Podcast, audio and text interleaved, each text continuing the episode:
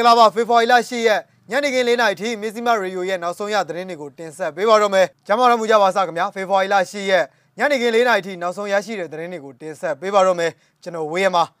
ကလေးမျိုးနယ်တိုက်ပွဲမှာအသက်16နှစ်အရွယ်ကာကွယ်ရေးတပ်ဖွဲ့ဝင်ကြာဆုံးမှုအတွက်ဝမ်းနည်းကြောင်းထုတ်ပြန်ထားပါတယ်။မောင်တော်မှာတော့စစ်သားတွေတဲဆောင်လာတဲ့ကားတစ်စီးမိုင်းဆွဲခံရပြီးကားပိုင်ရှင်နဲ့အကူသေဆုံးပါတယ်ခင်ဗျာ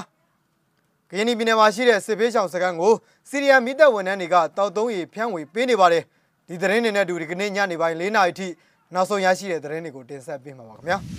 ။ပထမဆုံးသတင်းတစ်ပုဒ်အနေနဲ့စကိုင်းတိုင်းကလေးမြို့နယ်ရှေ့တန်းတနေရာမှာကြာဆုံးခဲ့တဲ့အသက်16နှစ်အရွယ်စလိုင်းလာတန်ပြည့်အတွက်အထူးဝန်ထမ်းကြောင်းချင်းကာကွယ်ရေးတပ်ဖွဲ့ CNO CNDF ကဖေဖော်ဝါရီလ9ရက်နေ့မှာထုတ်ပြန်ထားပါတယ်။ချောင်းကတိုက်ပွဲမှာကြာဆုံးသွားတာပါအလိမ္မာဆုံးနဲ့မှာပါပါတယ်။လူတိုင်းကိုလေးလေးစားစားနဲ့ဆက်ဆံနဲ့အမိတ်နာခံမှုကောင်းတယ် ရှေ့တန်းကိုထွက်မဲ့ဆိုရင်အမြဲတမ်းထိတ်ဆုံးကပါတယ်လို့ CNDF တာဝန်ရှိသူတို့ကပြောပါတယ်ခင်ဗျာဖေဖော်ဝါရီလ9ရက်နေ့မှာတော့ကလေးမြို့နယ်အောင်ချမ်းသာရွာနဲ့ချောင်းခွရွာအကြားမနက်ပိုင်း10နာရီကမိုင်းဆွဲတိုက်ခိုက်ခဲ့ပြီးစစ်ကောင်စီတပ်ဘက်က9ဦးသေဆုံးပြီးကာကွယ်ရေးပူးပေါင်းဖွဲ့က CNDF ရဲဘော်ကြဆုံးခဲ့ရတာပါခင်ဗျာပြည်သူလူထုကိုကာကွယ်ဖို့တိုက်ပွဲဝင်ရင်းလူမျိုးအတွက်တပ်ပေးလူသွားတဲ့သူ့ရဲ့ပေးဆက်မှုအပေါ် CNO CNDF ကလေးစားကာရဝပြုကြောင်းနဲ့ကျန်ရည်သူမိသားစုနဲ့ထပ်တူထပ်မျှဝမ်းနေကြောင်း မှတ်တမ်းတင်ဂုဏ်ပြုပါကြောင်းဖော်ပြထားပါတယ်ခင်ဗျာအာဇာနည်သူရဲကောင်းစလိုင်းလာတန်ပြီးရဲ့ပေးဆက်မှုနဲ့ယုံကြည်မှုတွေကိုကာကွယ်ရေးတပ်ဖွဲ့အနေနဲ့ဘယ်တော့မှမမေ့မလျော့ပဲအကြမ်းဖက်စစ်ကောင်စီနဲ့တကွအာဏာရှင်စနစ်ကိုအမြင့်ပြတ်ဆန့်ကျင်တော်လှန်ပြီးအဆုံးထိတိုက်ပွဲဝင်သွားမှာဖြစ်ကြောင်းအာဇာနည်ရဲဘော်တွေနဲ့သူတို့ရဲ့အမိတွေကိုတိုင်တယ်ပြီးတစ္ဆာပြုအပ်ကြောင်းထုတ်ပြန်ကြမှာရေးသားထားပါတယ်ဇန်နဝါရီလအတွင်းမှာတိုက်ပွဲ12ကြိမ်ဖြစ်ပွားခဲ့ပြီးစစ်ကောင်စီတပ်ဖွဲ့ဝင်82ဦးတုံ့တင်နိုင်ခဲ့ပြီး60ကျော်ဒဏ်ရာရရှိသွားက ကာကွယ်ရေးတပ်ဖွဲ့ဘက်ကတအူးကြဆုံးပြီးဒဏ်ရာရရှိသူ10ဦးရှိခဲ့ကြောင်း CNDF ကထုတ်ပြန်ထားပါတယ်ခင်ဗျာ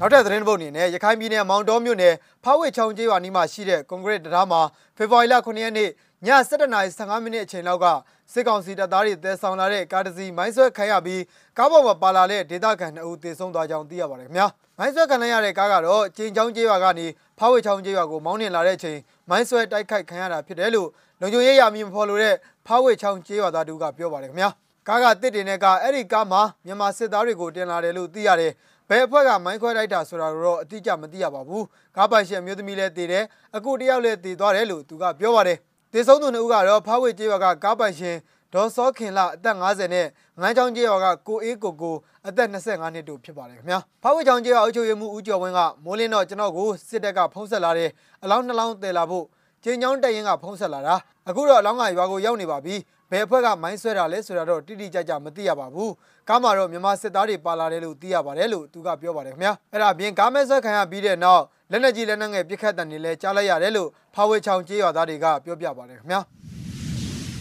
နောက်ထပ်သတင်းတစ်ပုဒ်အနေနဲ့ကရင်နီပြည်နယ်မှာရှိတဲ့စစ်ဘေးဆောင်စခန်းတွေကိုစီရီယံမိသက်ဝန်ထမ်းတွေကတောက်သုံးရည်တွေဖြန့်ဝေပေးနေတဲ့ဆိုတဲ့သတင်းကိုလည်းဆက်လက်ပြီးတော့တင်ဆက်ပေးကြပါမယ်ကင်းနီပြည်နယ်တွင်တိုက်ပွဲတွေကြောင့်ထွက်ပြေးတိမ်းရှောင်နေရတဲ့ဒေသခံတွေနေထိုင်ရာစစ်ဘေးရောင်စခန်းတွေကို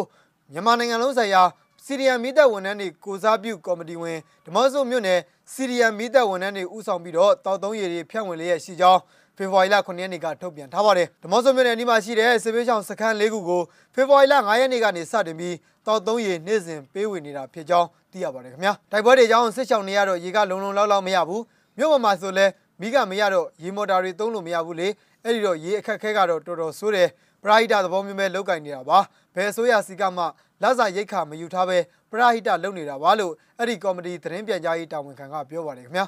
အကြမ်းဖက်စစ်ကောင်စီတပ်လက်နက်ကြီးနဲ့ပစ်ခတ်မှုပြည်သူလူထုနေထိုင်ရာဒေသတွေမှာတိုက်ပွဲတွေဖြစ်ပွားနေတာကြောင့်ဂရင်းနီပြည်နယ်အတွင်းမှာရှိတဲ့ပြည်သူအများစုထွက်ပြေးတိမ်းရှောင်နေရပြီးစစ်ဘေးရှောင်စခန်းတွေမှာတောက်သုံးရအခက်အခဲဖြစ်နေကြောင်းစီရီယာမီသက်ဝန်ထမ်းကိုစားပြုကော်မတီကထုတ်ပြန်ထားပါတယ် ဒီကနေ့ညနေပိုင်းရဲ့နောက်ဆုံးသတင်းတစ်ပုဒ်အနေနဲ့စကိုင်းတိုင်းရင်းမာပင်မြို့နယ်ရှေ့ချမ်းနဲ့စလင်းကြီးမြို့နယ်မြောက်ချမ်းမှာရှိတဲ့ရွာတွေစုပေါင်းပြီးဆရာနာရှင်စန့်ကျင်ရေးဆန္ဒပြမှု335ရက်မြောက်နေ့အဖြစ်ဖေဖော်ဝါရီလ9ရက်နေ့မှာချီတက်ဆန္ဒပြတယ်လို့သိရပါတယ်ခင်ဗျာညီညွတ်မှပြည်သိရမယ်ဆိုတဲ့စာတမ်းကိုကင်ဆွဲပြီးချီတက်ပွဲမှာမုံရပင်မတပိတ်ကလည်းပူးပေါင်းခဲ့ပြီးကြွေးကြော်တန်တွေဟစ်ကြွေးကဆရာနာရှင်စန့်ကျင်ရေးတရားတွေဟောကြားခဲ့တယ်လို့သိရပါတယ်ရွာပေါင်းစုံတပိတ်စေကြောင်းကတော့မက်လ9ရက်နေ့ကနေစတင်ပြီးတော့ဆန္ဒပြခဲ့ကြတာလည်းဖြစ်ပါတယ်ခင်ဗျာ ဖေဖော်ဝါရီလ10ရက်ညနေခင်း4နာရီထိနောက်ဆုံးရရှိခဲ့တဲ့သတင်းတွေကိုတင်ဆက်ပေးခဲ့တာပါခင်ဗျာမီဇီမာရီယိုကိုစောင့်မျှော်နားဆင်ကြတဲ့ပြည်သူအပေါင်းကိုစိတ်နှပြချမ်းသာချမ်းသာကြပါစေလို့ဆုမွန်ကောင်းတောင်းလိုက်ရပါတယ်ထူးကြတဲ့သတင်းတွေနဲ့တူကျွန်တော်တို့မကြခင်မှာပြန်လည်ဆုံတွေ့ကြပါမယ်ခင်ဗျာ